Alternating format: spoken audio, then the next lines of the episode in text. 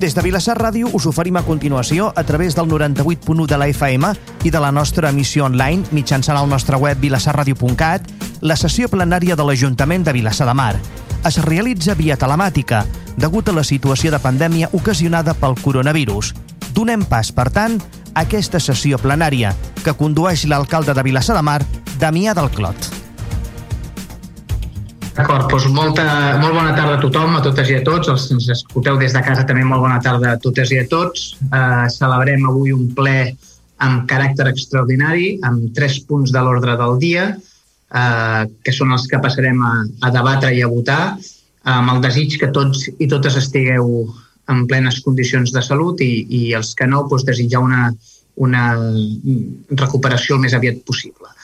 Uh, tot just passen dos minuts de les 7 de la tarda. Vaig a, a passo a, a llegir el primer punt de l'ordre del dia, que és la ratificació del decret d'alcaldia número 3166 barra 2020 corresponent a l'ampliació del termini de resolució i notificació de la concessió de subvencions pel manteniment i presa de les activitats comercials del municipi de Vilassar de Mar com a conseqüència de la situació general pel Covid-19.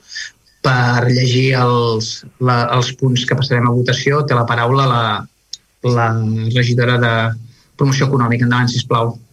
Perdó, perdó, abans de començar, jo m'he d'absentar en aquest punt. Llavors, no, no sé com hem quedat al final, si surto de la sessió... Com ho fem, secretària, per fer, per, perquè l'abstenció del punt sigui la, la regidora pugui complir amb el d'això, com ho podem fer? Es desconnecta i es torna a connectar? O, o, o desconnecta la pantalla. Digue'm, perdona, perdona, eh? Ah, dèiem que potser és més senzill tatxar la pantalla i tatxar el, el vídeo. Helena, fes... fes D'acord, el... revisi, que després... Faig això. D'acord. Vale, gràcies, regidora. Um, deia que... Per on anàvem? Com seria un, la paraula, alcalde? Ah, seria el... Perdó, endavant, endavant. Bona tarda. Eh, us hem fet arribar les dades de l'expedient de treball dels ajuts Covid dels quals ha resultat que hi ha hagut 110 expedients gestionats, 11 denegats i a data 5 d'octubre hi havia un 20% del total de les sol·licituds pendents de resolució per manca de justificacions. En aquest moment, l'estat de l'expedient està pendent d'aprovar aquesta ratificació i, i està tot preparat per fer el decret i poder pagar els ajuts. És per això que us demano l'aprovació d'aquesta ratificació de la pròrroga. A l'inici, a les bases, hi havia tres mesos i es va acordar a ple de ser-ne dos. Però ens hem trobat que la gestió al mes d'agost ha sigut bastant difícil, malgrat que les oficines Covid estiguessin obertes. Perquè s'exposa i de conformitat amb la legislació aplicable, es posa al ple municipal, es porta al ple municipal l'adopció dels següents acords. Primer, ratificar el decret d'alcaldia número 3166 barra 2020 de data 7 d'octubre de 2020, corresponent a l'ampliació del termini de resolució i notificació de la concessió de subvencions per al manteniment i represa de les activitats comercials del municipi de Vilassar de Mar com a conseqüència de la situació general pel Covid. Val. Uh, moltes gràcies, regidora. Passo la paraula als portaveus de, dels grups municipals. Començo per Ciutadans. Endavant, company, tens la paraula portavoz de Ciutadans. Sí, eh, buena tarde, buenas tardes o buenas noches ya a, todo el mundo. Eh, bueno, nosotros eh, eh, este tipo de subvenciones de ayudas a la promoción económica, al pequeño comercio, son imprescindibles y son necesarias en la situación en la que estamos, en una crisis sanitaria y económica desconocida hasta la fecha. Entonces, eh, pues todas las medidas que sean para seguir manteniendo estas líneas de ayuda, pues las, las apoyaremos. Quisiéramos que haber solicitado antes y no esperar a que a, al día de hoy, pero bueno, que sea por porque el proceso continúe y, y sea provechoso para todos los vecinos y vecinas de, que lo necesiten de este municipio. Por lo tanto, votaremos a favor. Gràcies, portaveu. Per part del Partit dels Socialistes té la paraula portaveu. Endavant. Molt bé, molt bona tarda a tots. Nosaltres pensem que en aquest punt ens hem de plantejar una mica o reflexionar sobre com hem fet les coses i per millorar en el futur. Crec que estem parlant de cobrir necessitats de, de la gent, del ciutadà, i arribem tard, arribem tard perquè eh, rebran aquesta, aquesta ajuda una vegada s'han vist obligats a tancar per segona vegada. O sigui, s'han vist obligats a tancar el seu establiment, el seu negoci, per segona vegada i encara no han rebut l'ajuda del primer. Per això creiem nosaltres que hem de fer una reflexió sobre com fem les coses sobre la diligència que les fem. Crec que l'error va estar per part de tots, imagino, amb la demora que van tenir a aprovar les bases, crec que no va ser prou diligent, no vam aprovar les bases en un període suficient que ens hauria adelantat el tema, i després potser també cometre l'error de, de l'aprovació amb acta única, que, que pel futur l'hem de modificar perquè possiblement per, per uns que no portin la documentació retarden la recepció de les ajudes de, de la majoria, no? I això tampoc és just. Per tant, jo crec que hem d'aprendre una mica de, de com hem funcionat per millorar en el futur. Per l'altra part, eh, el que parlem avui és la ratificació d'un decret d'alcaldia, eh, quan això correspondria a una aprovació de ple. De ple.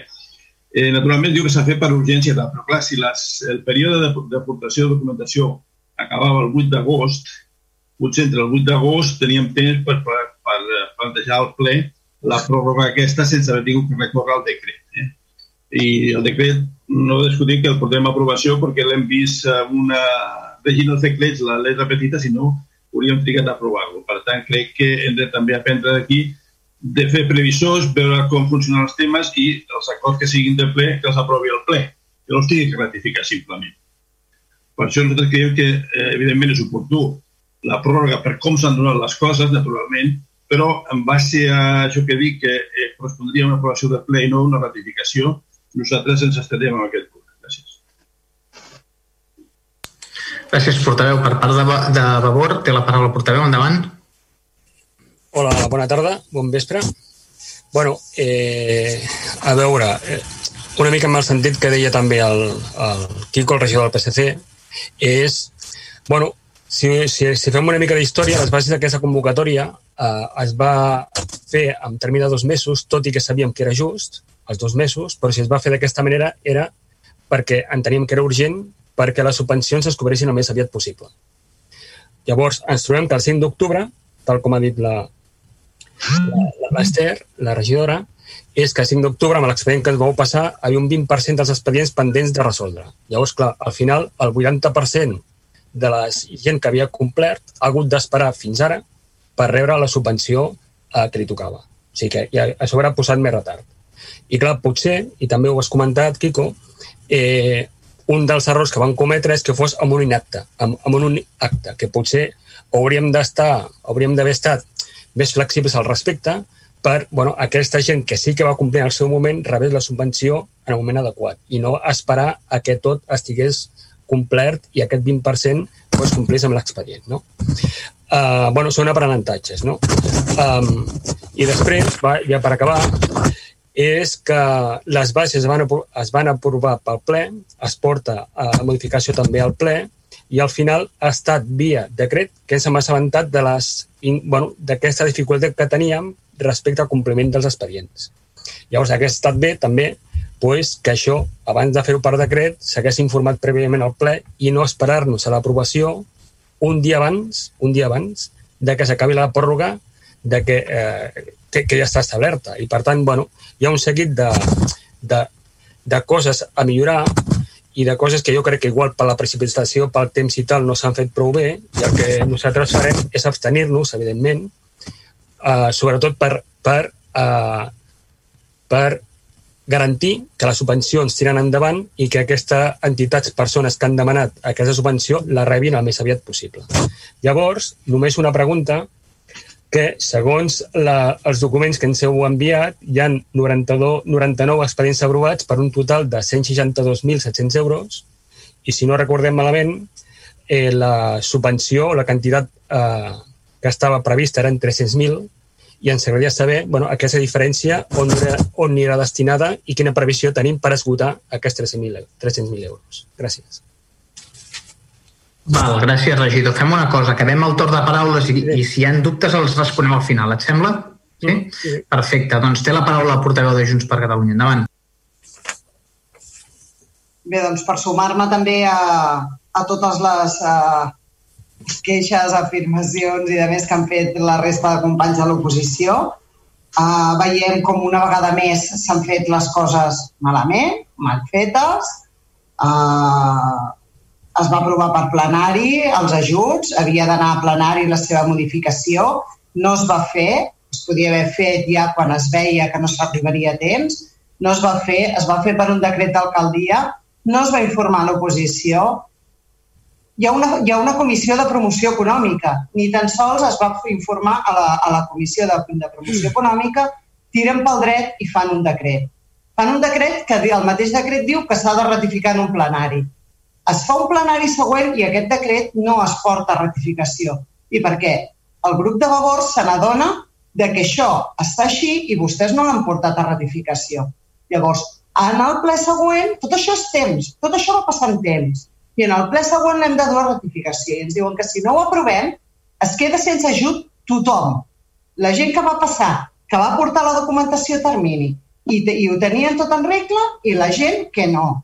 Tothom es queda sense l'ajut. I ens situen una vegada més en aquesta situació de és vota sí o sí. I si no, perjudicaràs a la, a la ciutadania. Per culpa teva? No, per culpa nostra, que ho hem fet malament, però és igual. Tu ja et trobes en aquesta situació. Doncs, eh, evidentment, eh, nosaltres no perjudicarem a la ciutadania. En el seu dia vam aprovar unes bases perquè aquests ajuts eren necessaris. I com han dit els meus companys, i vam posar un termini de dos mesos perquè creiem que eren urgents. Perquè creiem que eren urgents. I han passat una pila de mesos. I hi ha negocis que han hagut de tancar. I hi ha negocis que no saben si podran obrir demà. Doncs, evidentment, eh, tot i no està d'acord en com s'ha dut el tema, en com s'ha fet, no està d'acord en, que, en que hi ha gent que ho va presentar a termini i que ho estan passant malament precisament pel retard. Però no tenim una altra opció que donar el vot a favor perquè la gent el que no farem és, per culpa de que les coses no s'han fet bé des del govern, doncs deixar la ciutadania perjudicada. Val. Uh, regidora, hi havia una qüestió que plantejava el company de Vavor. Si vols explicar-la. Volia comentar lo, de, lo que, que ha comentat tant el Quico com, com el Carles, PSC i Vavor, referent a que les bases tenien una única resolució. Eh, es va fer d'aquella manera, es, es va estar parlant per tal de poder repartir el màxim d'ajuts, perquè eh, si, si, si no es feien en, el, en la totalitat, no sabíem si arribàvem al màxim o no de, de la, de, del topall, diguem-ne, de, de diners, i es va quedar que si, si ens passàvem es, es, produ, es produiria, eh, diguem-ne, en funció de tots els sol·licitants. Perquè hi havia altres bases que vam estar-ne parlant que era arribem fins aquí i si el següent no ha arribat més tard, eh, es quedava sense i els altres sí que ho tenien. No sé si recordeu que això ho vam estar debatint en, en, en com vam començar a, a treballar les bases. I fent-ho amb una sola resolució, eh, diguem-ne, es, es, podria, es podia garantir que tots eh, tinguessin, eh, tots poguessin cobrar i poguessin eh, repartir el màxim d'ajuts. Això... Espera, llavors hi havia una qüestió que plantejava el, el regidor, no sé si el, el regidor d'Hisenda també ens ajudarà, que és la quantitat era una quantitat eh, X i s'han repartit 262, per tant hi havia un sobrant, llavors, eh, eh, a veure, jo et puc donar l'opinió, diguem-ne, de govern, és a dir, la nostra intenció és estudiar, vèncer primer els, els condicionants tècnics eh, que hi hagin i tal, però la nostra intenció és obrir una nova, eh, amb aquest sobrant que hi hagi, obrir una nova eh, pla d'ajudes en, el, en els sectors que s'hagin vist afectats per aquesta segona onada de, de Covid. Insisteixo que és una qüestió que, evidentment, hem de parlar, hem de tractar tècnicament, hem de parlar amb els, amb el, amb els serveis tècnics de l'Ajuntament per veure com ho podem fer, de quina manera ho podem fer i després posar-ho damunt la taula perquè siguem tots els partits qui, qui decidim. Sé que la cosa va per aquí, regidora. M'imagino que no he sortit del guió en aquest sentit, no? Eh? Sí, sí, és, és, és estudiar... D'acord, d'acord. D'acord, ho dic perquè la pregunta de Vavor és una cosa que hem estat parlant i, i el company portaveu ha fet la, la qüestió va per aquí. Uh, no, no hi havia cap pregunta més que ens haguem deixat? No hi ha cap qüestió més que ens haguem deixat? Eh? Pregunto. No, no, crec que no, oi? Val. Uh, doncs passem a les votacions, si no hi ha més qüestions. Uh, Ciutadans ens ha anunciat un vot a favor, oi? Dos. dos Portaveu? Dos, dos, vots, disculpa, dos vots a favor. Uh, uh, PSC, abstenció, oi? He agafat? Tres abstencions. Tres abstencions. Uh, I Vavor també també dos abstencions, no? En aquest sentit serien? Dos abstencions. Carles? Dos. Val. I, I Junts quatre abstencions també m'ha semblat agafar, eh? Val? Per tant, eh, ens mouríem amb nou abstencions. Val? Uh, Ju- uh, uh, Àngel Font, no t'he donat la paraula, oi? No. Doncs em, dis- em, em, et demano mil disculpes perquè he anat una mica fent via. Doncs endavant, tens la paraula. Disculpa'm, eh? Disculpa. No et preocupis. Bona tarda a tots. Són, són nou vots a favor. Val, gràcies. Esquerra i gent per Vilassar. Esquerra i gent per Vilassar són nou vots a favor. Més dos vots a favor de, de, de Ciutadans. Quedaria aprovat aquest vot per 11 vots a favor i 9 abstencions. Secretari, aquests serien els números, no? Junts ha dit a favor, crec, eh? Junts ha dit a favor, em sembla, eh? Disculpa, Junts per, Catal Junts per Catalunya ha votat a favor. Per favor. Disculpa'm, disculpa'm. Porto un cacau, disculpa'm, disculpa'm. Això és per... Sí, sí, sí. Disculpa'm. Per tant, serien 15 vots a favor, eh? Secretària? Serien 15 vots a favor i, i llavors hi haurien 5 abstencions, que serien les dels companys del PSC i Vavor. Pues, disculpem a tots, companys, eh, m'he liat, m'he liat. Um, passem al punt següent, que és l'expedient uh, l'expedient número 20, Alcalde, 20... Perdó, algú que avisi l'Helena de Vavor, que entra. Ai, disculpeu, disculpeu. Eh, va, Javel, em pots fer aquest favor, sisplau? O Carles? Ja ho fem, ja ho ah, ja la fem. veig, ja, ja la veig connectada. D'acord, d'acord. Uh, el, punt de, el punt segon és l'expedient uh, 26 barra 2020 de modificació de crèdits mitjançant crèdit extraordinari finançat amb el préstec de l'ens fora del sector públic. Um, Josep Soler, tens la paraula, sisplau. Per... Sí, bona, bona tarda. Bé, mal. Uh, això és aprovar un préstec, per sabeu, per, uh, per la compra d'un local i el, el que s'aprova um, la modificació de crèdit per poder anar posteriorment a aquest préstec. Val? Per tant, el que es fa és, primer, aprovar l'expedient número 26 barra 2020 de modificació de crèdits mitjançant crèdit extraordinari per préstec per import de 500.000 euros el pressupost de l'Ajuntament de l'exercici 2020. Aquesta modificació va finançada amb préstec rebuts de l'ens de fora del sector públic. El detall de la modificació és el següent. Finançament i pagament d'ingrés a la partida d'intervenció 91.300, el préstec rebuts a llarg termini dins del sector sector públic, 500.000 euros, i la despesa és l'aplicació eh, de serveis generals 9200, 60900, adquisició local, 500.000 euros. El segon punt és, mm, el segon punt de l'acord és publicar el butlletí oficial de la província en el pla d'anuncis d'aquest Ajuntament la dicta exposició pública d'aquesta modificació del pressupost 2020 dona un termini de 15 dies i situació del qual no hi ha presentat reclamacions quedarà definitivament aprovada aquesta modificació pressupostària. Val, jo afegeixo una informació complementària a l'acord, que és informar la ciutadania eh, que aquest, aquest eh, crèdit extraordinari, aquesta, aquest finançament és per la compra d'un local, eh, que és el local que hi ha a la plaça de l'Ajuntament, que és un punt que anava al passat ple ordinari, que es va retirar perquè hi havia unes deficiències tècniques, una qüestió tècnica que s'havia de resoldre, va quedar resolt amb un expedient i, per tant, eh, la voluntat del govern era tornar-lo a portar en aquest plenari que es va aprofitar que era de naturalesa extraordinària per portar aquest ple. D'acord? Era aquesta informació. Passo la paraula també als, als, als grups municipals. Començo per Ciutadans. Endavant tens la paraula, portaveu. Sí, gracias. Eh, La cuestión que hemos de determinar o dilucidar hoy es si la adquisición de este local de la plaza del ayuntamiento para ser sede de la Oficina de Información y Atención de- a la Ciudadanía, la, la UIAP o la será bueno para los vecinos. No importa si es buena o no para el, para el PSC o para Vavor o para Junts, o si es buena o no para Esquerra Republicana de Cataluña, o si es buena o no para el alcalde, o si es buena o no para Ciudadanos. Lo verdaderamente importante es saber si disponer de este local para la Oficina de Atención al Ciudadano será buena para el pueblo, si será bueno para mejorar el servicio del Ayuntamiento de los vilasarenses y vilasarensas y para mejorar las condiciones de los trabajadores del Ayuntamiento que se ofrecen en este servicio. Nuestro grupo municipal, Pensamos que sí lo será. Será bueno y positivo sin ninguna duda. Y vamos a explicar por qué.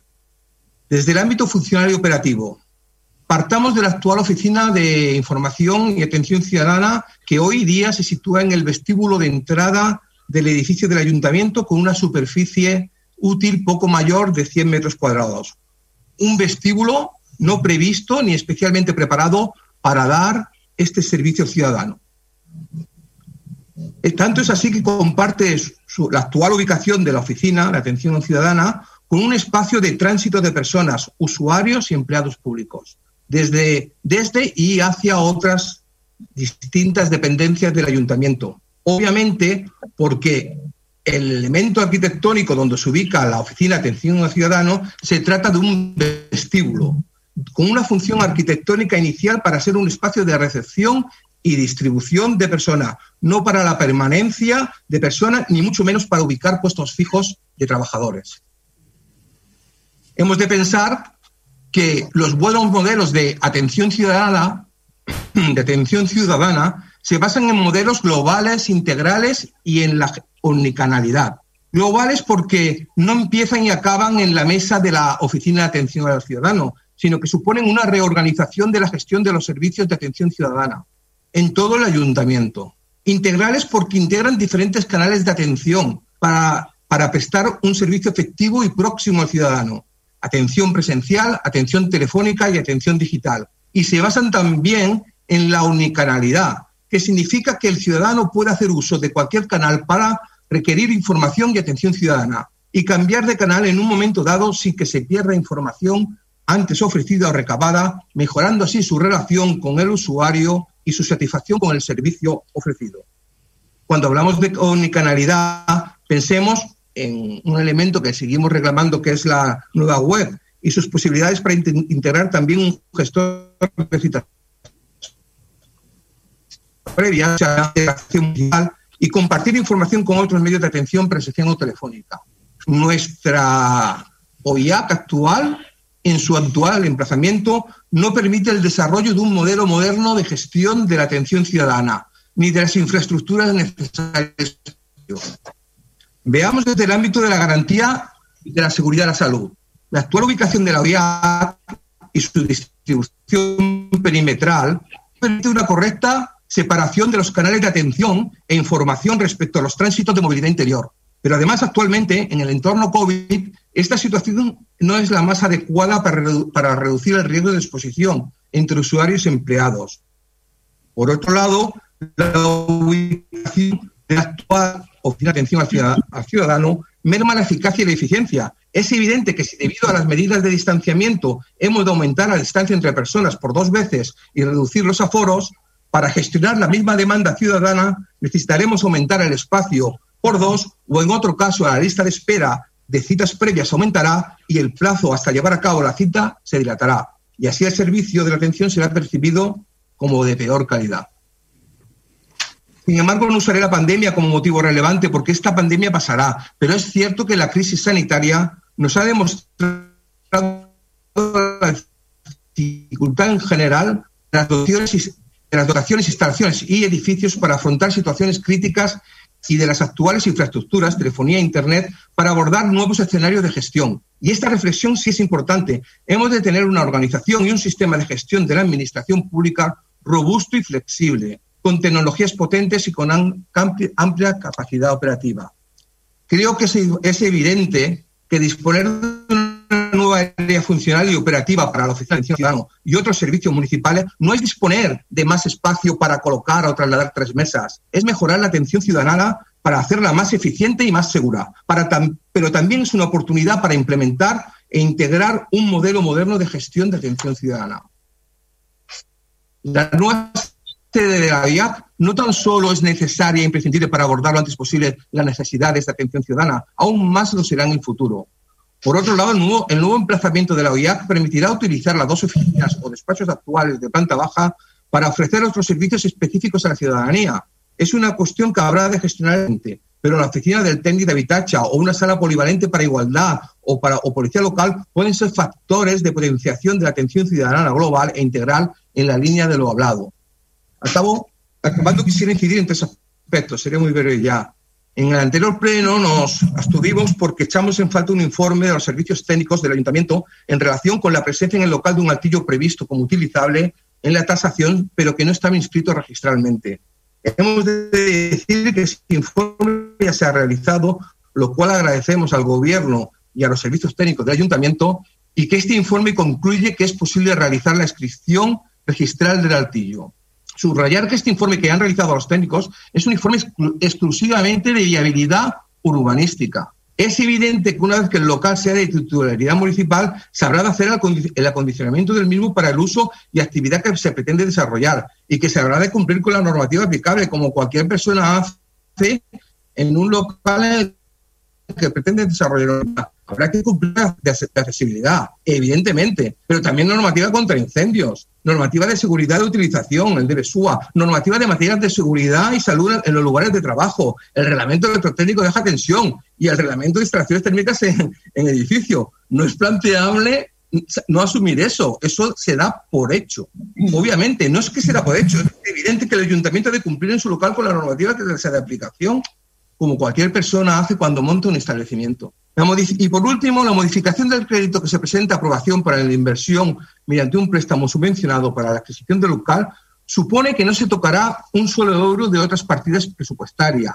No saldrá ni un solo euro de, ayuda, de ayudas sociales, de ayudas COVID o proporción económica para adquirir este local, como no podía ser de otro modo. La principio era si es bueno o no para los vecinos y vecinas de Vilasar de Mar la adquisición de este local para el desarrollo de una oficina de atención al ciudadano más moderna, más eficaz, más integral, más eficiente, más, más cercana, más segura. Y la respuesta, sin lugar a dudas, repito, sin lugar a dudas, es que sí. Diría más, es la única forma de conseguir en el futuro una gestión excelente de la atención ciudadana. Y por eso Ciudadanos votará a favor de la modificación de crédito para la adquisición del local donde se ubicará la nueva oficina de información y atención a la ciudadanía. Gracias. Gràcies, portaveu. Per part del PSC té la paraula el portaveu. Endavant. Molt bé, gràcies a tots. Molt bé, en aquest punt eh, jo crec que primer ens hem de felicitar pues, pel miracle que s'ha produït, que tots els problemes que arrosseguem a la famosa tercera planta de funcionament des de fa tota aquesta legislatura, amb tota la seva problemàtica que sempre que demana alguna cosa eh, planifiqui que tenen tanta feina, estan col·lapsats, ara de cop i volta, en 13 dies, han emet un informe ad hoc, anar recorrent a informació de fa 34 anys, anar revisant documents de fa 34 anys. En 13 dies tenim un informe magnífic que dona solució a tots els problemes plantejats del ple passat. Imagino que abans de fer això ja estan contestades totes les instàncies que porten anys dels ciutadans sense respondre. Imagino que ja estan contestats tots els permisos d'obra pendents i sobretot imagino que tindrem immediatament el llistat d'ocupacions de la via pública que fa un any i mig que demanem perquè si hi ha temps per fer aquest informe en 13 dies, no m'explicaran per què no hi ha temps perquè ens donin eh, el llistat de llicències atorgades al Comissió de la Via Pública. M'ho tindran que explicar. Però, bueno, els felicitem que funcioni tot també a la tercera planta de cop i volta. Per altra part, eh, ens sorprèn molt i ens agrada la magnífica ponència del grup de Ciudadanos, ja que s'ha dit a nosaltres. Perquè entenc que el ponent d'aquest punt és Ciudadanos, no? Perquè ens ha explicat ens ha donat una explicació tan àmplia i tan efectiva que, des, que dubto que la conegui el govern, però el felicito perquè la seva ponència està magnífica, de veritat que sí. Eh? Ara, la seva resposta a la seva pregunta que feia al PSC i no sé qui més, si era beneficiós, amb una paraula, no, no lo és. No lo és. Només una pregunta. Una entitat, una empresa puntera al món com la Caixa, experta en servei als clients, decideix que per atendre els seus clients de la millor manera tanca l'oficina d'aquí baix i se centra en la del mercat. O sigui, nosaltres en sabem més de prestar serveis a la ciutadania i als clients que una empresa com la Caixa. Som uns fenòmens, experts. Eh? Jo crec que l'atenció al ciutadà avui en dia va per facilitar-li les coses no per posar-li una oficina d'atenció ciutadana, com, com diem, al puesto més difícil d'accedir del poble en el dia a dia. Quan un està per feina, va per treballar. Quan anem a passejar, és el millor del món. Anem a passejar i a prendre un vermut a cada espinaler. Però quan un té, està treballant i ha d'anar a l'OIH i no vol perdre el temps, si volem prestar un bon servei, el pitjor puesto és el que estem destinant. I si no, agafem l'exemple de la caixa. Eh? L'oficina de l'OIH s'ha de posar al lloc més cèntric del poble. que és on ja es pot circular, on hi aparcaments i on hi accés ràpid i directe. Per tant, la resposta a la pregunta que feia el ponent de Ciutadans és no, és un error. Per molta literatura que li posi, és un error. I un error el van qualificar al darrer ple, però un error és la conseqüència d'un fet eh, inesperat, un fet que no, no estava previst. Creiem que això ja no és un error, és una irresponsabilitat. És una irresponsabilitat. I és una responsabilitat perquè no administrem correctament els, els diners públics. No tenim en compte les necessitats globals que tenim al poble. No tenim en compte que tenim pendent, pues, acabem de fer, per exemple, l'ampliació de la sala Galvany. Estem fent oficines. Tenim pendent el destí que lo donem a l'Ateneu, que es va, a, es va comprar amb un acte actualment electoralista la legislatura i encara no hem decidit què farem amb ell. Eh? Estem pendent de que, fer, que invertir a l'escola nàutica, que la tenim allà pendent. Estem pendent de què fem a les oficines pendents de la primera planta del mercat. No sé quants metres tenim allà, però en tenim molts.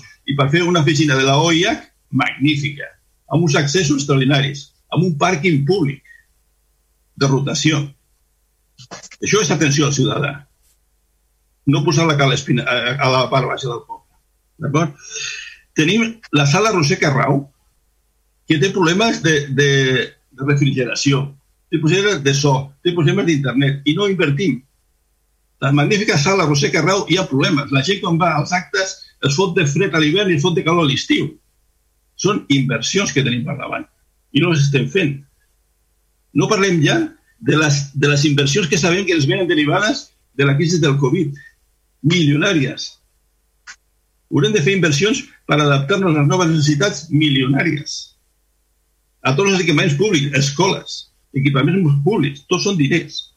No parlem de les... Hem parlat al punt 1 de que estàvem cobrint necessitats dels ciutadans. Però és que estem en plena pandèmia. És que vam aprovar una dotació d'un milió i pico per atendre les necessitats dels ciutadans. I és que ens veurem obligats a, de seguir a primer d'any aprovar segurament més calés, un milió més per atendre els serveis socials, les grans necessitats que ha necessitat derivant de la pandèmia. No és una broma gastar 500.000 euros en una cosa que no és necessària. No és broma. Eh? No és broma. I al final ho, ho arreglem tot, o sigui, ho vam retirar del ple anterior i ho aprovem ara amb un informe tècnic que es diu que es pot legalitzar un altell. Fantàstic. El propi eh, informe que hi ha a la documentació del ple diu la verdadera raó per la que volem comprar aquest local. La verdadera, no és per les oficines. És la que diuen aquí, perquè és un patrimoni que per l'imaginari col·lectiu del poble està associat a un equipament que durant molts anys va ser l'antic casino de Vilassar i, per conseqüent, un edifici històric i emblemàtic a la façana litoral de la vila. Això diu l'informe de l'alcalde. I aquesta és la verdadera raó de l'adquisició d'aquest local. No per atendre el ciutadà, per passar a la història com que hem recuperat el patrimoni històric. I jo estaria d'acord amb això, si tinguéssim calés. Jo, dic, no, jo no estic pas en contra de recuperar el patrimoni si ens ho podem permetre. Però si l'idea és recuperar el patrimoni històric, de veritat, el primer que hauríem de fer és eliminar l'altella aquest artificial que hi ha allà. És eliminar-lo. Per què? Perquè recuperar el patrimoni històric és tornar-ho al seu estat inicial, a lo que era de veritat eh? un casino, com podria ser. I l'edifici en si, el seu eh, valor eh, arquitectònic, no es perd perquè el compri un, un particular. Al revés, segurament el podrien conservar, com, com, com diu que és l'imaginari històric, posant unes condicions d'ús que hagués de complir el, el, el, la persona que l'adquirís. Eh? Per tant, el famós altell, el que s'haurien de fer amb ell és eliminar-lo directament i recuperar el valor històric del, de l'equipament que és el que ha de ser. No ens enganyem. No estem comprant això per millorar l'atenció al ciutadà. Estem comprant per el que diu el propi informe. D'acord? I després recordem que és una inversió. O és que no és una inversió i no és un gasto. I les inversions no es paguen? D'on te surten els diners els propers anys per pagar el préstec? Sortirà dels, dels, dels calés que paguen tots els ciutadans, no? O és que no s'ha de pagar el préstec. Ara és una inversió, molt bé, però no s'ha de pagar. Quan el pressupost de l'any que ve i l'altre, quan diguem 50.000 euros destinats a pagar el préstec, no podríem dir 50.000 euros destinats als serveis socials? Jo crec que ens enganyem. Eh? I volem enganyar. Per tant, no és així. Jo crec que el ple d'avui es dona la trilogia perfecta. Eh? El primer punt, parlem de necessitats dels ciutadans. Necessitats derivades d'una crisi i que van en augment eh? i que hem de complir. Al punt 2, parlem de fer una, de malgastar uns diners una cosa que nosaltres creiem i clarament no és necessària ni és urgent. I, i, i arribarem al punt 3 amb què li diem als ciutadans i a més a més t'has de rascar la butxaca perquè en aquesta vida no hi ha res gratuït i tot s'ha de pagar. I si es vas a demanar un paper, 15 euros. Es 15, I això és necessari, jo no dic que no. Però li estem donant el diner, cuidado, eh? Al, ciutadà, cuidado. Hi ha grans necessitats. Es gastem els diners i, i passa per caixa que tot s'ha de pagar, noi. No hi ha res gratis. Eh? Jo, de veritat, els demanaria que tinguessin un punt de responsabilitat i torni a retirar el punt de l'hora del dia. Perquè el que es ve per davant és molt difícil. És molt, molt difícil. Es venen grans necessitats. Hi ha molta gent que ho està passant molt malament al nostre poble encara que no ho veia. I hem de tenir molta cura a què destinem els diners públics. Per tant, repensin-s'ho. Retirin el punt de l'hora del dia. Moltes gràcies. Per part de Vavor té la paraula el portaveu. Endavant. Sí, bona tarda. Eh, bé, eh, crec que no afegiré gaire més a, a, arguments i, i crec que ja està bastant tot dit. De fet, no, portàvem un anterior ple i finalment a, a, es va eh, decidir retirar. En aquest sentit, molt d'acord no, amb el que deia el Quico Zamora del PSC. Potser discreparia a, a, en relació no, a l'opinió sobre l'argumentari de, de Ciutadans, però en tot cas m'hi referiré al final. Eh, per nosaltres, no, per favor, eh, i com deia, doncs, votarem en contra i votarem en contra doncs, perquè entenem que és una gran irresponsabilitat no, gastar-nos aquesta quantitat de diners. Eh, creiem que és una responsabilitat gastar-nos-la en aquest moment, creiem que és una responsabilitat gastar-nos-la per aquest objectiu, concret i, i a la vegada doncs això, no? perquè la, la gestió del patrimoni públic i en aquest cas els diners doncs creiem que s'ha de fer una estratègia que ara mateix no existeix.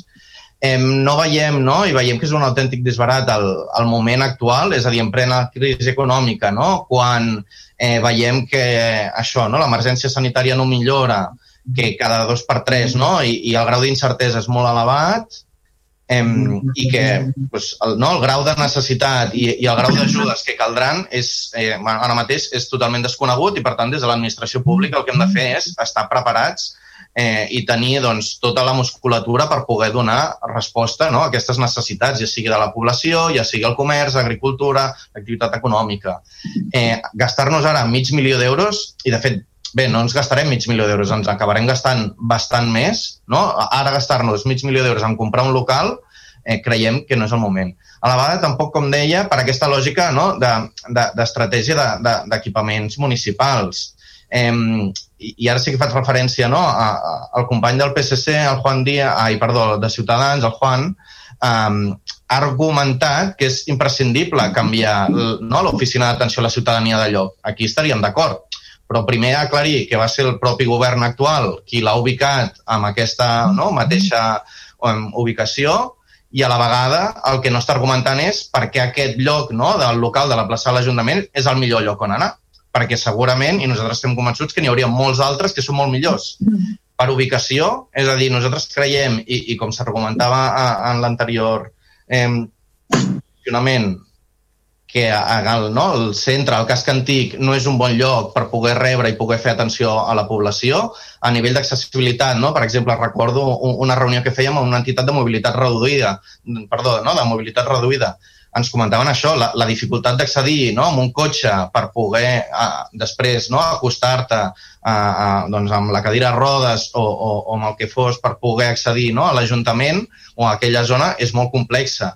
A la vegada, um, aquest equipament és un equipament molt petit, és un equipament que compta amb dues plantes, que ara mateix no hi ha ascensor, per tant, tot això no, més, fa que no, no, no creiem que sigui eh, doncs això, no? Uh, un equipament adient. Però és que a vegades digues, no? si no hi hagués cap altre equipament, doncs dius, mira, encara no, no hi ha res més, això està disponible, doncs fem el pas i el comprem.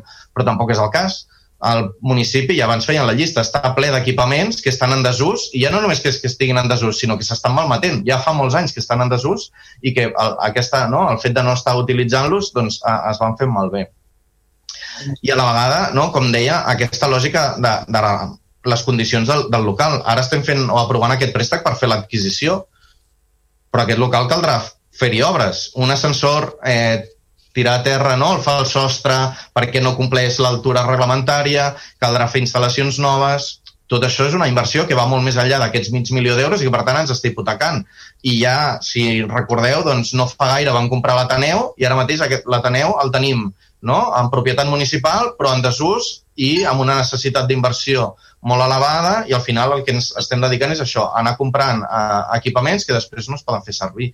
Nosaltres entenem, no? com deia, que els diners ara són molt necessaris i en tot cas doncs, caldria no? o podríem aprofitar altres equipaments. I l'altra també amb lògica de prioritats, de posats a gastar, no? I, i, i recurrentment des de Vavor i altres grups eh, volem, no? I, i, i estem demanant doncs, polítiques públiques en relació a no? diferents àmbits, ja sigui educació, temes culturals, temes d'educació, i sempre se'ns diu que no hi ha diners, no? que està tot molt limitat, i ara, no? així com de, per art de màgia, apareix mig milió d'euros que sí que ens podem gastar per adquirir un local que realment eh, no en necessitem perquè en tenim molts altres en propietat municipal i que estan buits i a la vegada que creiem que és un local que no compleix no, els requisits bàsics per poder ser una bona oficina d'atenció a la ciutadania. Llavors, com dèiem, entenem i creiem que això doncs, és un autèntic despropòsit i una irresponsabilitat i per això votarem que no. Gràcies, portaveu. Per Junts per Catalunya té la paraula endavant. Sí, bon, bon vespre a tots i totes. bueno, una mica en la línia del que ja han anat comentant els companys tant del PSC com de Vavor i que ja vam, ja vam refrendar en el ple passat, no? Estem veient aquí, ara el company de Vavor parlava no, d'estratègia d'equipaments, que no sabien quina estratègia d'equipaments seguia el govern. Cap ni una. O sigui, sembla una estratègia d'immobiliària, en aquest cas recolzada, i, i va anudar molt bé per, per quan de, pel portaveu de Ciutadans. Ens ha fet una exposició que sembla que estigui... Hem de comprar aquest immoble, que és la panacea, que aquí podem muntar una oficina d'atenció al ciutadà 2.0 i que bueno, solucionarà tots els problemes d'atenció al públic. A veure, l'oficina d'atenció al ciutadà que se'ns planteja, al cap i a la fi, són tres taules, les mateixes existents ara, que com ja es va dir en el ple passat i ara ha tornat a repetir el company de Vavor, estan al vestíbul de l'Ajuntament, perquè aquest propi govern les va posar. Li, record, li faig memòria al senyor quan dia de Ciutadans, en el seu primer any com a regidor, que quan entrava a l'Ajuntament allà no hi eren aquestes taules, si fa memòria. Uh, I què ens provoca la compra d'aquest local? Endeutament. Aquella paraula tan temuda i que tant es tirava en cana, no? Pues, endeutament. Endeutament a l'Ajuntament, que sembla que ara no és un problema. I ara, si, si, si cap, és molt més problemàtic. O sigui, estem en una situació de pandèmia, com ja han dit els companys. S'esdevenen unes necessitats socials d'ajuts a les famílies, d'ajuts als petits negocis, mm, incertes, com s'ha dit, i proposem aquí gastar inicialment mig milió d'euros en un equipament que, a més, no sabem quan podrem fer obres, perquè està dintre del precatàleg, tampoc s'ha donat resposta a una de les qüestions que es van formular al passat ple, segueix en el limbo, els problemes d'accessibilitat que pot comportar la compra d'aquest local. Tot això, amb aquesta manca d'estratègia d'equipaments, com es comentava, quan tenim un local de 800 metres quadrats, que crec que ara comentarem a l'atenció la, de, en resposta no, a l'exposició de, del company de Ciutadans de totes les normatives que ha, ha fet esment, bueno, tenim aquest local de 800 metres que creiem que pot assolir amb molta més facilitat i amb molta menys despesa les necessitats que requereix el poble com a oficina d'atenció al ciutadà. Uh, Juan comentava no, que la compra d'aquest local garantirà la seguretat dels treballadors, no? el decret 486, complir el codi tècnic, bueno, que s'ha d'adaptar, no? Juan, comentaves que s'ha d'adaptar al RIP. Molt bé, estem parlant d'un edifici cuyes obres majors, segons la llicència que se'ns han donat, les últimes obres majors es van realitzar l'any 88, amb una modificació sense tocar instal·lacions ni estructura, al 98. És a dir, últimes, les últimes obres es fan fa 22 anys. Quin cost suposarà habilitar la normativa actual tal com deia el company de Ciutadans? Ni idea. No tenim ni idea. I per contra tenim aquest local del mercat aparcat, sense fer res. bueno, no ens preocupa. Sembla que no ens preocupa.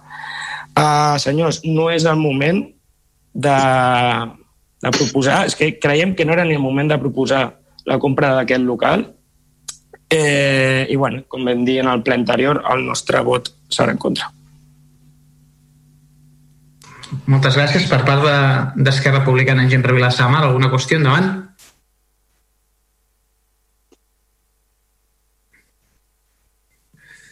No, passo la paraula al, al, al regidor eh, corresponent al Josep Soler. Val. Hi ha alguna qüestió, Josep? No? Escolta, tens el micro, eh, noi? Que no, que no. No, no hi ha qüestions. Sí, Val, doncs... Sí, sí, demana la paraula. Endavant, eh? Endavant. Tengo que, como se me ha nombrado tantas veces, tengo que... Endavant, endavant. No, no, no te había visto, perdona, no te había visto. Ya sé que se ha nombrado más a mí que al gobierno, lo cual no lo entiendo, pero lo intentaré explicar. Sinceramente no acabo de entender cómo cuestionan que se pretenda dar una mejor atención a la ciudadanía de más calidad, más eficiente y más segura. Eh, yo creo que ustedes han visitado pocas, eh, por cierto, el discurso del PSC sí que es una irresponsabilidad, sí que es un discurso demagorro, irresponsable, sustentado en el sufrimiento de tanta gente y que sea un discurso tan vacío, tan vacuo, que solo sepa decir obviedades que todos respetamos, la salud, la protección, pero que no vaya al, al, hoyo, al meollo de la cuestión que es si es mejor o no para el pueblo. No basta decir no, hay que argumentarlo. Ustedes han visitado pocas oficinas de atención al ciudadano en Cataluña, me parece. Y ustedes han trabajado pocas veces en un vestíbulo de un edificio. Si está mal, por eso precisamente hay que, hay que hacerlo. Nosotros hemos reclamado desde nuestro programa hasta, hasta ayer que hay que, hay que, hay que mejorar, eh, hay que dotar al ayuntamiento de, de musculatura, decía de haber musculatura y para estar preparados. Pues esto es musculatura para estar preparados. Dotar al ayuntamiento de de herramientas para dar un mejor servicio al ciudadano en un momento donde lo necesita más que nunca. Me asombra que ustedes eh, cuestionen las condiciones del edificio, eh, un edificio que será seguro, como bien dice Javier eh, Martín, que, por que que, que habrá de, de, mejorar y de acondicionarse, obviamente. Y en cambio no cuestiona las condiciones de accesibilidad, de ventilación, de, mm, ergonomía, de, las, de, espacios para recepcionar, para albergar al usuario, que es el administrado el, el, de la actual situación, y que eso no, no lo cuestione. Eh, Insisto, yo creo que han visitado muy pocas oficinas de atención al ciudadano. Eh, no es que incompatible la réplica o la o la, la réplica o la ahora lo diré o la eh, eh, especialización de determinadas atenciones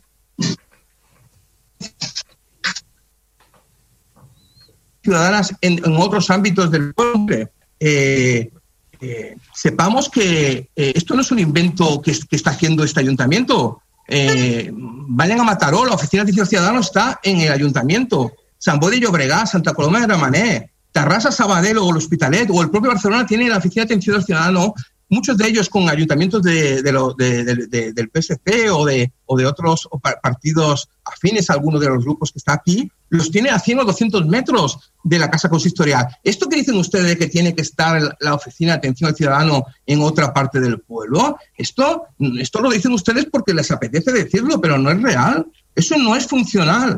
Un servicio integral no se puede dar mandando al administrado de un sitio a otro de un pueblo por lo que usted dice, porque es complicado aparcar, porque es complicado eh, eh, acceder en silla de ruedas. Esto no es así. Esto de que dice que me, me hace gracia que el señor de, de PSC nos, nos, nos, utiliza la Caixa como ejemplo de, de, de gestión. ¿Usted, usted, ha, ¿Usted ha visto las colas de la Caixa? ¿Usted cree que son ejemplo de gestión las colas de la Caixa? De verdad, es que me, yo he alucinado cuando lo ha puesto como ejemplo. ¿Usted qué cree que, que el objeto de un negocio que es meter la mayor gente posible, ahora no, ahora han cambiado de filosofía, pero la caja y las otras, el mayor número de gente posible eh, para gestionarla de la manera más rápida posible. ¿Es un ejemplo de gestión de cómo se debe gestionar la atención al cliente de las personas? No, la casa es ejemplo de casi nada, ni de instalaciones. Fíjese, fíjese, la, fíjese el alcillo que dejó sin regularizar la casa. Fíjese usted si es ejemplo la casa. Y sobre la inversión, a ver, ya acabaré. Estamos en una comisión que va a dar 3 millones de euros, queremos dedicar 3 millones de euros a la gestión de los residuos urbanos, para que estos residuos, para, para que se realice esa gestión de una manera más eficiente, moderna, sostenible, para que mejore los ratios de recogida selectiva, 3 millones de euros. Tenedores y poniéndonos un control de acceso, me harán la comparación, dirán, vamos a dedicar ahora un, un un millón o medio millón de euros en contenedores nuevos para que tengan el acceso cerrado y estando lo del COVID. ¿Verdad que no me lo va a decir esto usted, señor de, de Vavor o señor del PSC? ¿Verdad que no va a decir, vamos a gastar 600.000 euros en que se pueda hacer, en cambiar todos los contenedores y poner camiones nuevos? ¿Verdad que no? Ustedes saben que para realizar un servicio de y sostenible, moderno, se necesita estos 3 millones de euros. Y no me, los van a, no me van a hacer la demagogia barata que han hecho aquí y que nos han tachado de ser irresponsables, no me van a hacer la demagogia barata de decir que ese dinero se podía utilizar para ayudas sociales o para COVID, porque eso no es cierto. Ese dinero tiene que destinarse a lo que se tiene que destinar para que el servicio sea eficiente y seguramente gastaremos bastante más que lo que se está gastando ahora en ese servicio de recogida de residuos.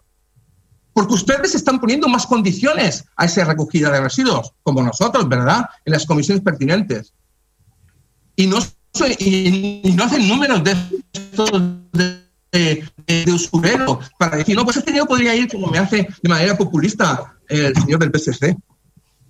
Si hacemos esto para los residuos, ¿qué no deberemos hacer para dar un servicio excelente a las personas? ¿Qué les parece que no debemos gastar en las personas? No se sostiene lo que están diciendo. Miren el ejemplo de otras OACs modernas, eficaces, integradas, globales, y verán que es necesario que salga el empleo de la en el vestíbulo de una escalera.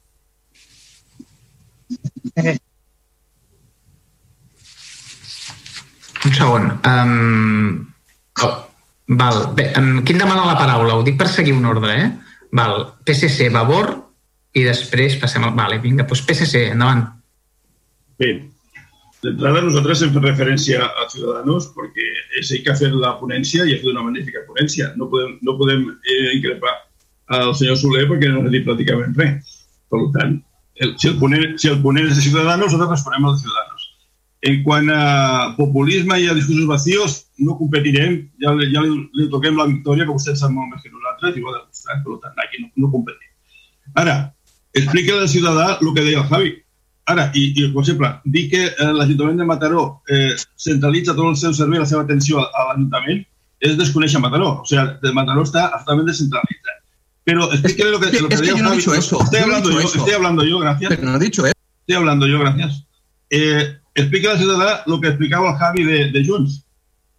800 metres a disponibilitat al centre del poble, amb accessibilitat i amb aparcaments, suposo que amb un cost, no sé, d'adequació a la millor UAC possible, que podria ser 50 100.000 euros, comparat amb un altre que es costarà 800.000. Explica al ciutadà això, expliqui-li.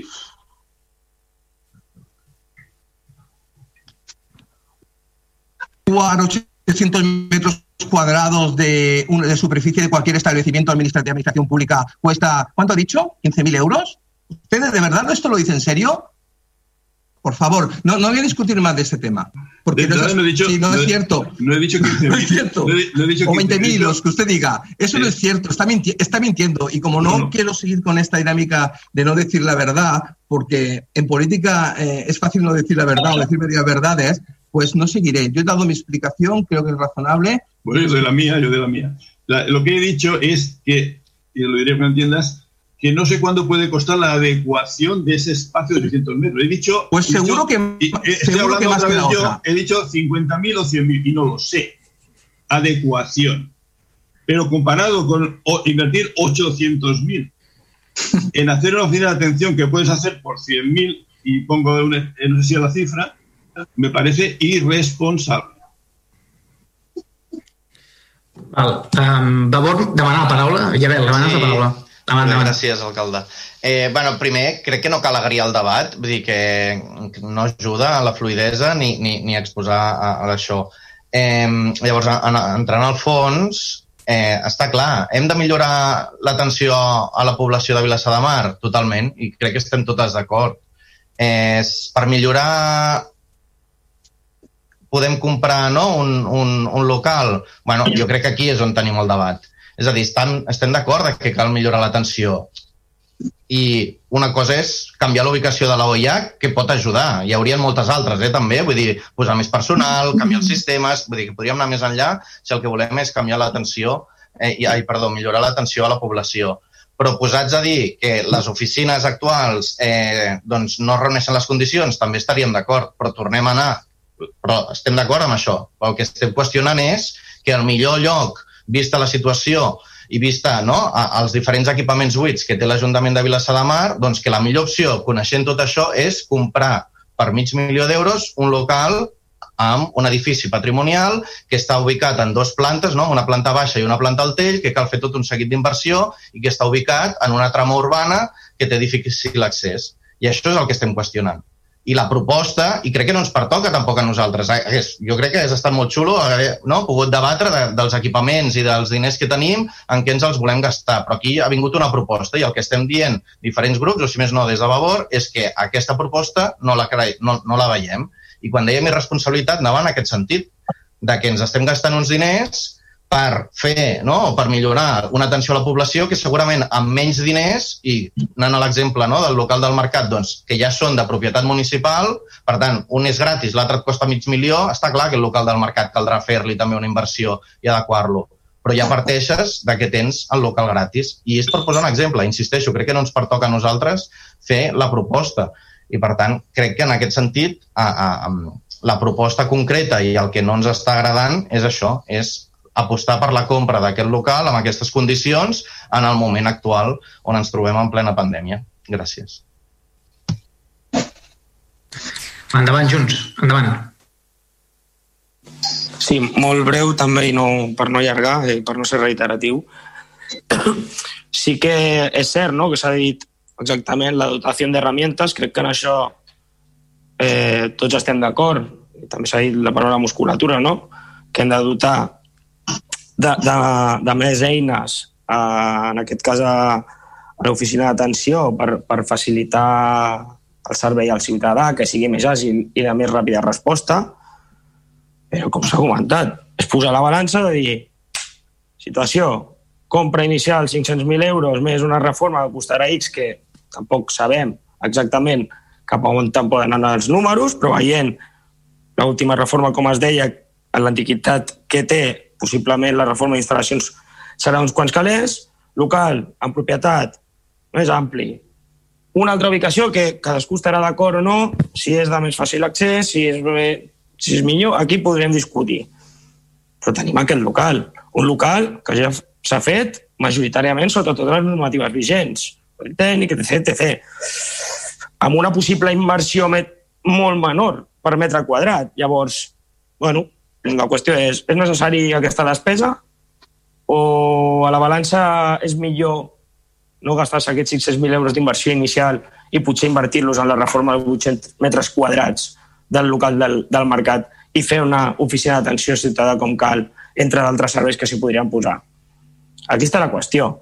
I crec que no em sembla rebut per, per, per tancar ja fer la comparativa de la compra d'aquest local amb el contracte de residus. Crec que aquí el company, em perdonarà el company de Ciutadans, però ha barrejat coses que crec que no, que no són de rebut i, i m'ha fet gràcia el del disseny ergonòmic dels jocs de treball, no? el disseny ergonòmic dels jocs de treball del, del vestíbul.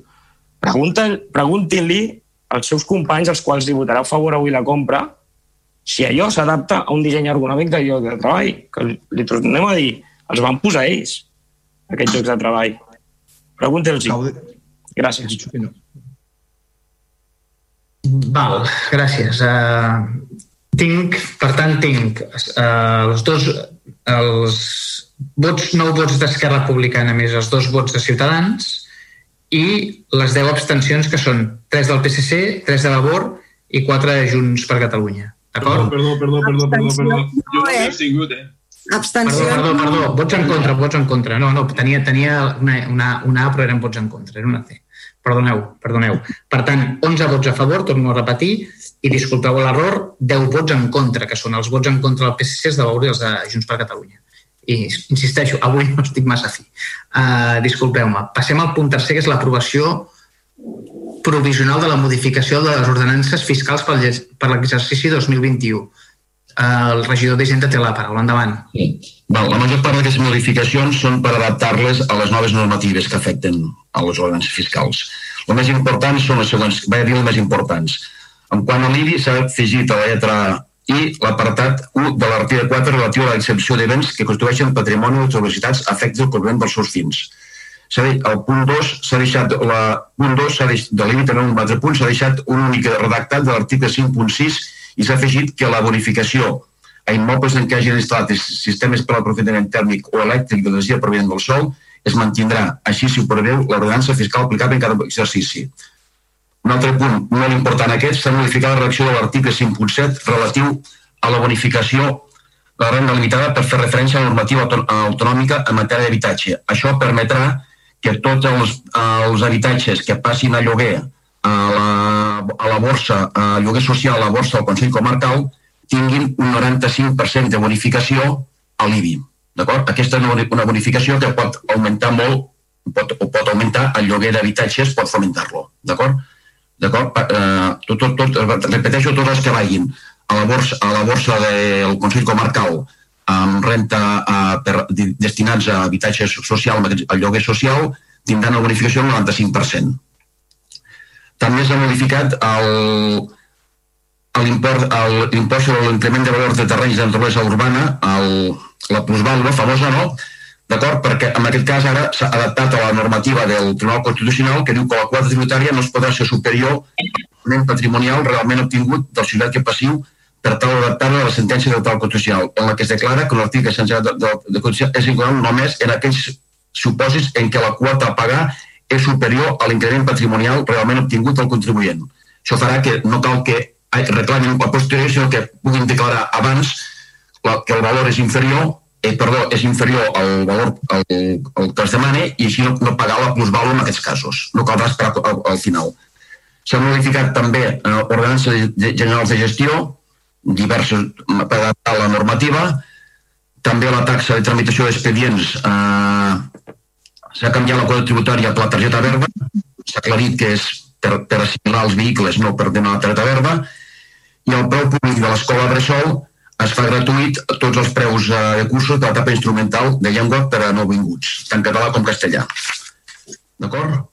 Eh, I el que es porta a aprovar el que es porta a aprovar és el següent. Primer, aprovar provisionalment la modificació de l'ordenança general de gestió de liquidació i inspecció de retenció dels ingressos del dret públic municipals que haurà de, de regir per l'exercici 2021 i següents, així com el seu text reforç a tenor de l'annex 1 d'aquest acord.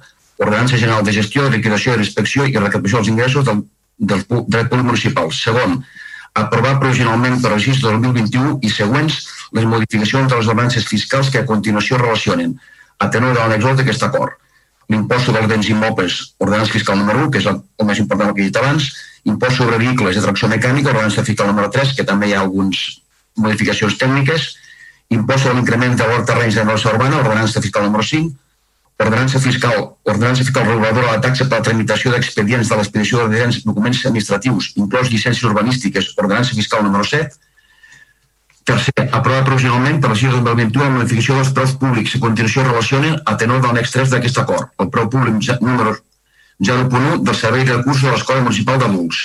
Quart, els acords definitius en matèria de modificació de l'ordenança fiscal per l'exercici 2021 i així com el text refús aprovat serà objecte de publicació en el butlletí oficial de la província. Cinquè, exposar al públic el, en el tauló d'anuncis de l'Ajuntament dels anteriors acords provisionals, així com el text complet de les ordenances fiscals aprovades de nou o modificades durant el termini de 30 dies hàbils, comptant des del dia següent de la publicació de l'anunci de l'exposició pública i oficial de la província.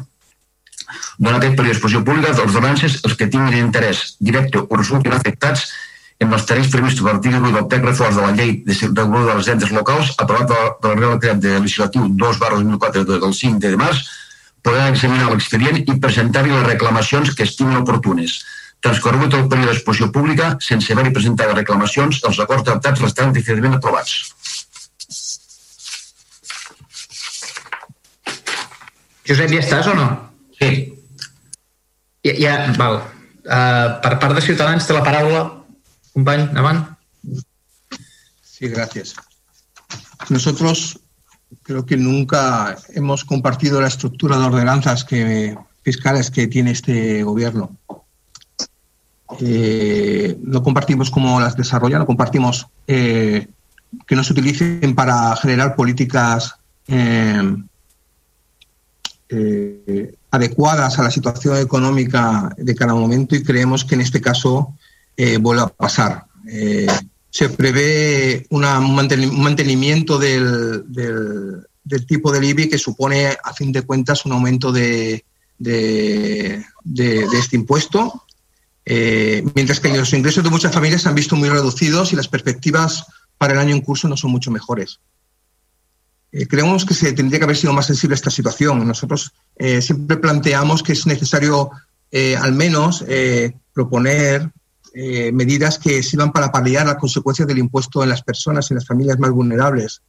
Eh, esto yo sé que es complicado porque la, la, las ordenanzas fiscales están taxadas en la, en la relación, la IBI, la relación de, bonificaciones o, o, reducciones que puede haber. Pero sí creemos en la necesidad de que se articularan líneas de subvenciones a través de los presupuestos, de manera que eh, se, se, contrarrestara el pago del IBI, o sea, o se redujera el pago del IBI en función de la renta familiar.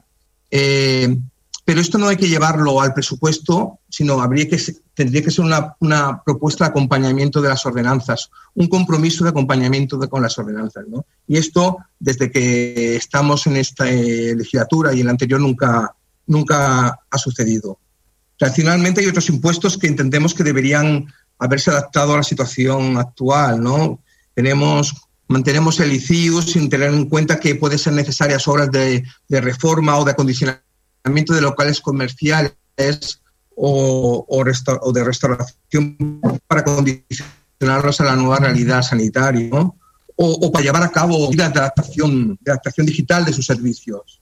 Eh, echamos de menos que las ordenanzas eh, previeran subvenciones o, o, el acompañamiento a las ordenanzas prevenían acciones para, para mejorar, eh, eh, para reducir estos impuestos como es el, el ICIO de, de, estos conceptos.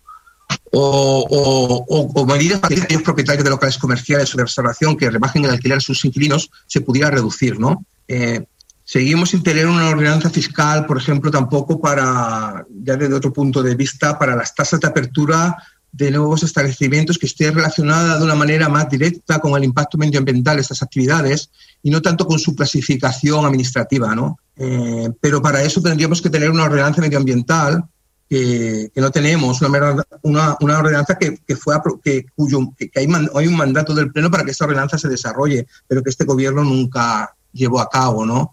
De ahí, de, de ahí podría emanar, emanar otra estructura de las tasas de apertura más acorde con esta incidencia ambiental. Eh, en el municipio. Las ordenanzas seguramente tienen aspectos positivos, como siempre, porque hay trabajo de los distintos grupos de la oposición, de Labor, de, de PSC, de, de Junts, pero, pero no acaban de cumplir con, con, nuestro proyecto de ordenanzas, que seguimos encontrando las mismas, las mismas, los mismos déficits, la misma falta de, articulación de medidas eh, compensatorias o suplementarias y, y por eso tampoco las votaremos este año a favor. Val, per part del PSC endavant. Bé, com dèiem abans, estem a, a la tercera pota del, del punt del dia i després del punt anterior quasi fa vergonya parlar d'elles, no? però és una realitat, com deia abans, vull dir, avui dia la realitat és que tots els serveis tenen un cost, totes eh, les taxes afecten un servei que es dona i que sí que és veritat que s'haurien de repensar les taxes en general, perquè portem una inèrcia que anem fent modificacions, fem una adaptació menor d'una manera no, no substancial, però no fer un repensament sobre les taxes globals adaptant-les a les noves situacions i a la nova realitat. Igual tenim taxes que venen de fa molts anys i jo crec que s'han de pensar en el conjunt. Eh, efectivament, no hem sigut valents, s'ha comentat a la, a la Comissió d'Ordenances, eh, sobretot per la companya de Junts, crec recordar, que no hem sigut valents a tocar el tipus de l'IBI per adaptar-lo una mica a, a fer pujar al ciutadà eh, l'impacte econòmic que hi ha de l'IBI. Recordem que eh, hi ha molts ciutadans que han rebut una liquidació de 4 o 5 anys d'un recàrrec de l'IBI per una adaptació, que la catastre, etc. I només vull recordar que hi ha ciutadans amb una pensió mínima que han rebut una liquidació de 1.800 euros més interessos, sense previ avís, a una situació d'una pensió mínima. Vull dir, podríem haver sigut valents, però clar, no podem baixar el tipus de l'IBI perquè l'equilibri dels ingressos despeses de l'Ajuntament són necessaris. Per clar, ingressos, despeses. Per tant, igual que li diem al ciutadà, eh, els serveis es paguen, les taxes són necessàries, també li hem de dir i li hem de respondre com gastem els diners i hem de ser molt responsables amb això. Nosaltres ens estindrem amb aquest. Val, per part de Vavor, endavant, sisplau. Sí, bona tarda un altre cop. Eh, bé, com no, altres, altres anys eh, el punt aquest no, d'ordenances fiscals sí que tenia més contingut polític, aquest any no, va bastant buit. Al final eh, la, el que es porta ara no, i, i, i també com per informar a la població que ens pugui escoltar. No, no, no estem votant les ordenances fiscals com a tal, sinó les modificacions, no? I per tant, aquest any eh, la proposta de modificacions són, són molt petites, no? Hi ha tot un seguit, no? un reguitzell de modificacions tècniques que aquí no hi entrem, hi ha un parell no? de, de, de modificacions petites, però per nosaltres doncs, creiem doncs, interessants, no? com seria aquesta en matèria d'habitatge, eh, no? i bonificació en relació no? a, a la incorporació de, dels habitatges a la borsa eh, del lloguer del Consell Comarcal que permetria no? doncs, eh, eh, doncs això, no? acollir-se alguna bonificació de les taxes municipals eh, i també en relació a fer gratuïts els cursos d'immersió no? de, del català doncs, per les persones que... No?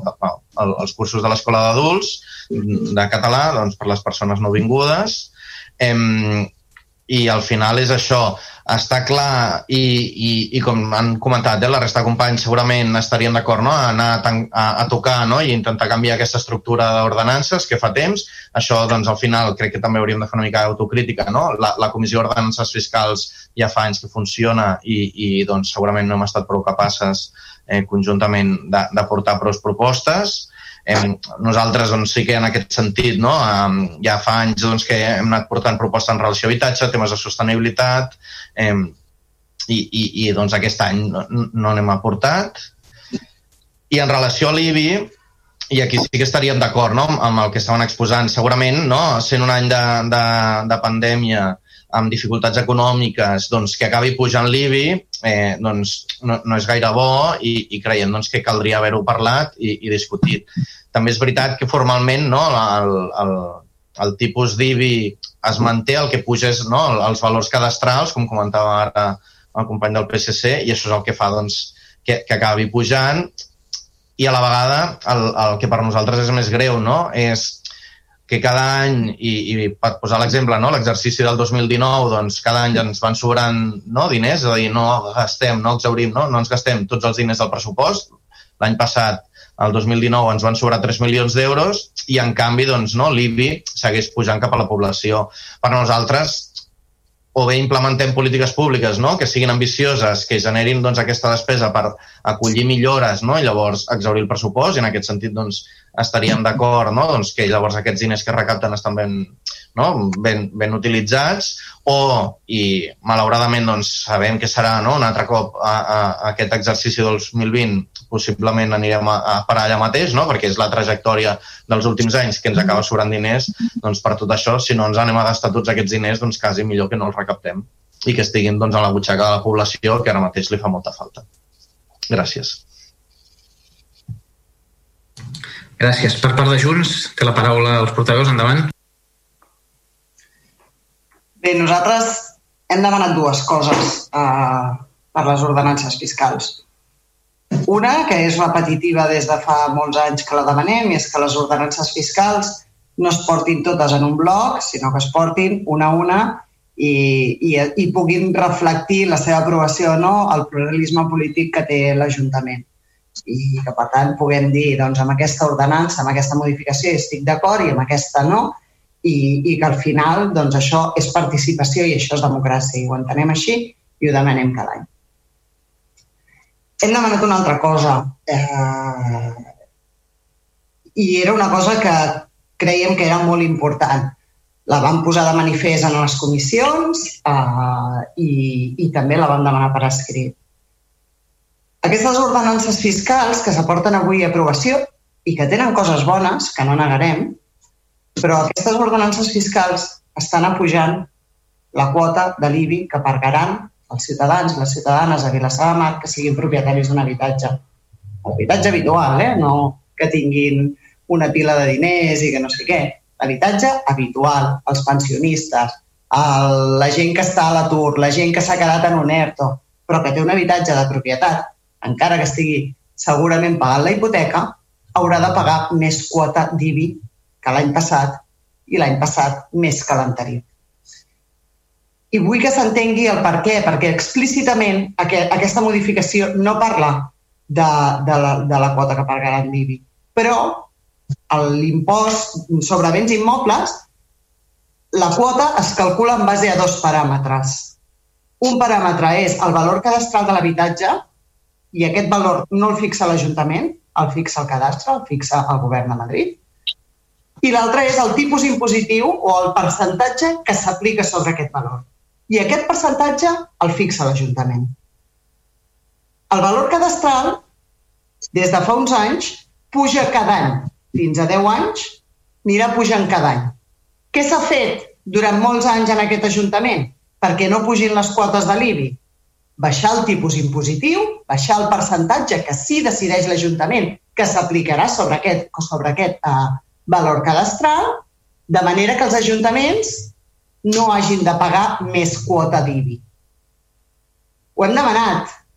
Hem demanat que fos així i que el tipus impositiu de l'Ajuntament, el que posa l'Ajuntament, passés del 0,936 que està ara a passés a un 0,89 perquè els ciutadans i les ciutadanes no haguessin de pagar més quota d'IBI. L'Ajuntament té aquesta possibilitat. Aquest govern no ens ha escoltat en cap moment, ni tan sols ens ha donat resposta. Ho hem demanat, ho hem demanat verbalment, ho hem demanat per escrit. Ni tan sols ens ha donat resposta.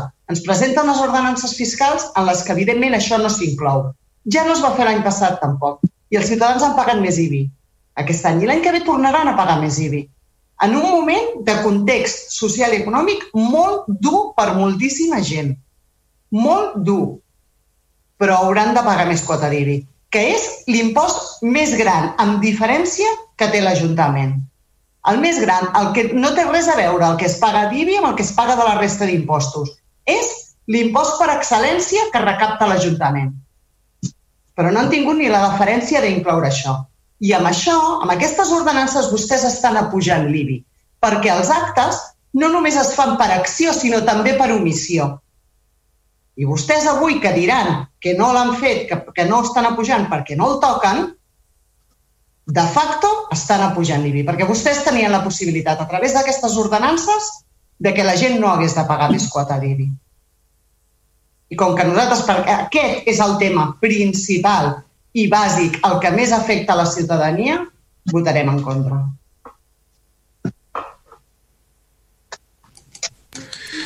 Val, alguna qüestió més, Josep?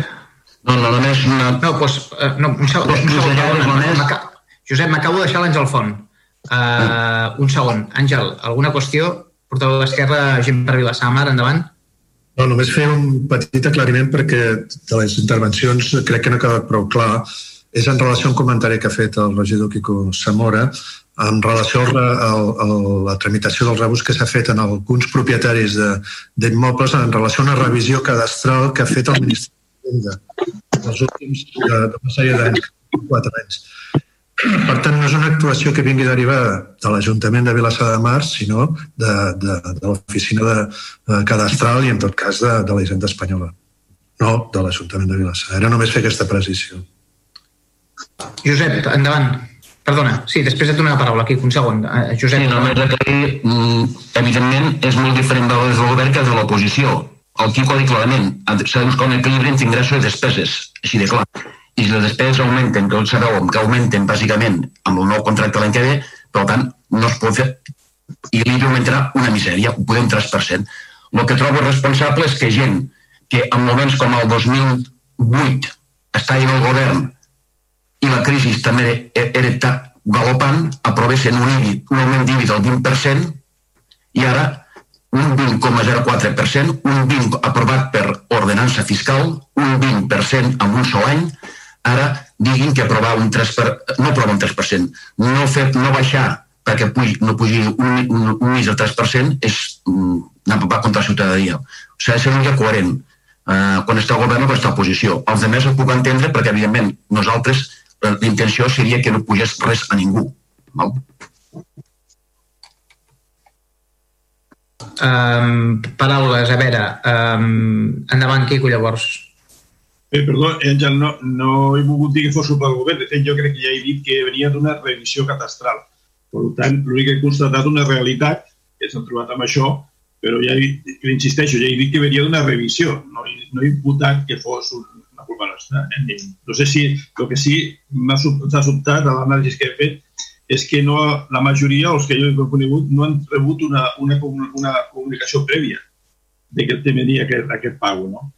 Però, com dius, no, ve d'una revisió cansada del 2015, crec que és, evidentment, la revisió cansada no la fa l'Ajuntament, per tant, no he volgut imputar cap respecte a l'Ajuntament, simplement constatar una realitat. Um, hi ha alguna paraula més? Si no, passaria a les votacions. Vinga, doncs... Pues, No, no, um, jo, eh, alcalde, jo estic disculpa. Ah, no t'havia vist, però disculpa, endavant, endavant, endavant. Uh, per, per diverses coses de les que s'han dit. Estem dient que cada any els hi sobren calés. Els hi sobren diners. I vostès volen que la ciutadania pagui més, tot i que els hi sobrin diners. Uh, I estem parlant de que fa uns moments han aprovat, vostès, Esquerra Republicana, juntament amb Ciutadans, un préstec per, o una modificació de crèdit per poder comprar un lical de 500.000 euros. De 500.000 euros. Tenen més despeses? Sí, clar. Hauran de pagar aquesta hipoteca, hauran de pagar aquest préstec, hauran de pagar moltes coses. Escolti'm, tenen la possibilitat? La tenen. Baixin els impostos a la gent. Però no, no, jo no demano ja que els abaixin. Bueno, que no els apugin. Que la gent no hagi de pagar més, que no és el moment.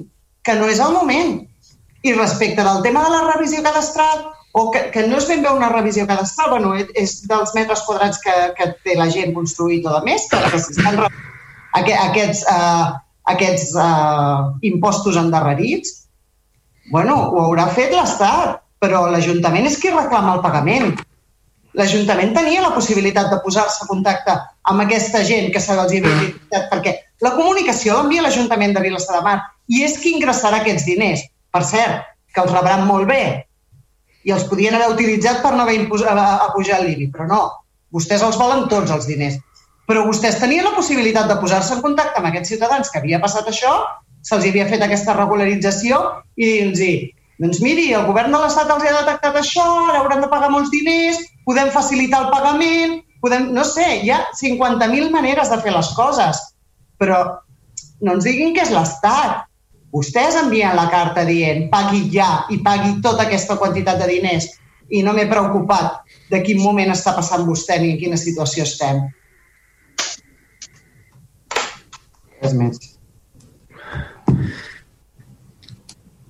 Només una cosa. Uh, Vavor i Junts voten contra o abstenció? És que no ho he agafat, eh?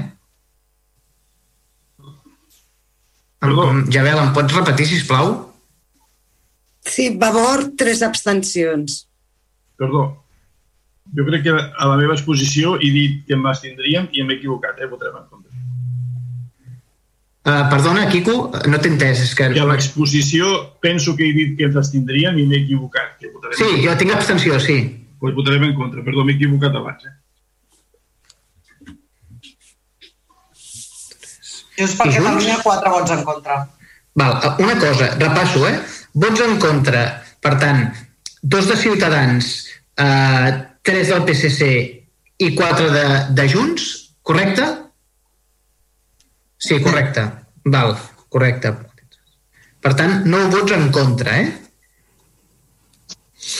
I per tant, tres abstencions de Vavor i nou vots a favor d'Esquerra amb gent per Vilassar. Uh, per tant, quedaria aprovat el punt amb 9 vots a favor, 3 abstencions i, i, i 9 vots en, en contra. 8. No, perdona. Només, per puntualitzar que això s'aprova... No, 4 i 3, 7 i 2, 9. Eh? No, no, dic 4 i 3, 7 i 2, 9, no? Josep? Sí, sí, sí. sí. Ah, no, té raó, Laura. Heu de tornar-me a manifestar el vot abans d'exercir el vot de qualitat, eh? Uh, Disculpeu-me, és que jo també jo tenia 8, però les que hi suma... Són 2, 3 i No, 4 sí. són 9. Per tant, més 9 de vots i més 3 abstencions. Uh, torno a passar la paraula als portadors perquè manifestin el vot, si no hauré d'exercir el vot de qualitat, d'acord? Um, Ciutadans em pot manifestar el vot, sisplau, portaveu? Dos votos en contra de Ciutadans. Val. Uh, PSC, em pots manifestar el vot, sisplau, un altre cop? Tres vots en contra. D'acord. Uh, Vavor, Jabel, em pots manifestar el vot, sisplau? O Helena, uh, em podeu manifestar el vot, sisplau? Tres abstencions. Val. Ju- Junts per Catalunya, Laura, sisplau, em pots manifestar el vot? Junts per Catalunya, quatre vots en contra. Val, d'acord. Àngel Font, Esquerra Republicana, en gent per Vilassar em pots manifestar el vot? No vots a favor. Val, llavors, eh, secretària, que quedi en acte que exerceixo el vot de qualitat per aprovar la, el punt tercer i com que no hi ha més punts perquè és un ple extraordinari, els, eh, els desitjo tots molta. Digue'm, secretària, perdona. Llavors, No. la segona votació és aquesta que acaba d'haver ara? Sí, són nou, nou vots a, sou, són nou vots a favor, nou vots en contra, que són els de Ciutadans, els del PSC i els de Junts per Catalunya, i tres abstencions, que són les de Vavor. A favor. Uh, i, per la qual queda cosa l'alcalde de manifestar que exerceix el vot de, cali de Sí, qualitat. manifesto que, que exerceixo el vot de qualitat perquè s'aprovi el punt tercer, d'acord? Que quedi en l'acte... Per això he fet la, la, segona, la segona tanda de, de manifestacions de vot, d'acord? I, no, i deia com... Correcte, no? Val. Um, I res, com que és un ple extraordinari, us desitjo tots uh, molta salut i molta força i ens acomiadem aquí. Una abraçada a totes i a tots. Que vagi molt bé, ens veiem en el proper, que serà ordinari, d'acord? Gràcies. Que vagi molt bé. Adéu, cuideu-vos. Adéu, adéu. Des de Vilassar Ràdio us hem ofert la sessió plenària de l'Ajuntament, que s'ha realitzat via telemàtica, degut a la situació de pandèmia ocasionada per la Covid-19. Aquest divendres a l'Espai Crònica tindreu un ampli resum d'aquesta sessió amb la valoració de govern i oposició. Si voleu tornar a sentir aquest ple, podreu fer-ho des de demà al nostre web vilassarradio.cat. Gràcies per acompanyar-nos. Us deixem amb la nostra programació habitual. Vilassar de Mar és notícia un cop l'any. Per nosaltres, ho és cada dia. Vilassar Ràdio.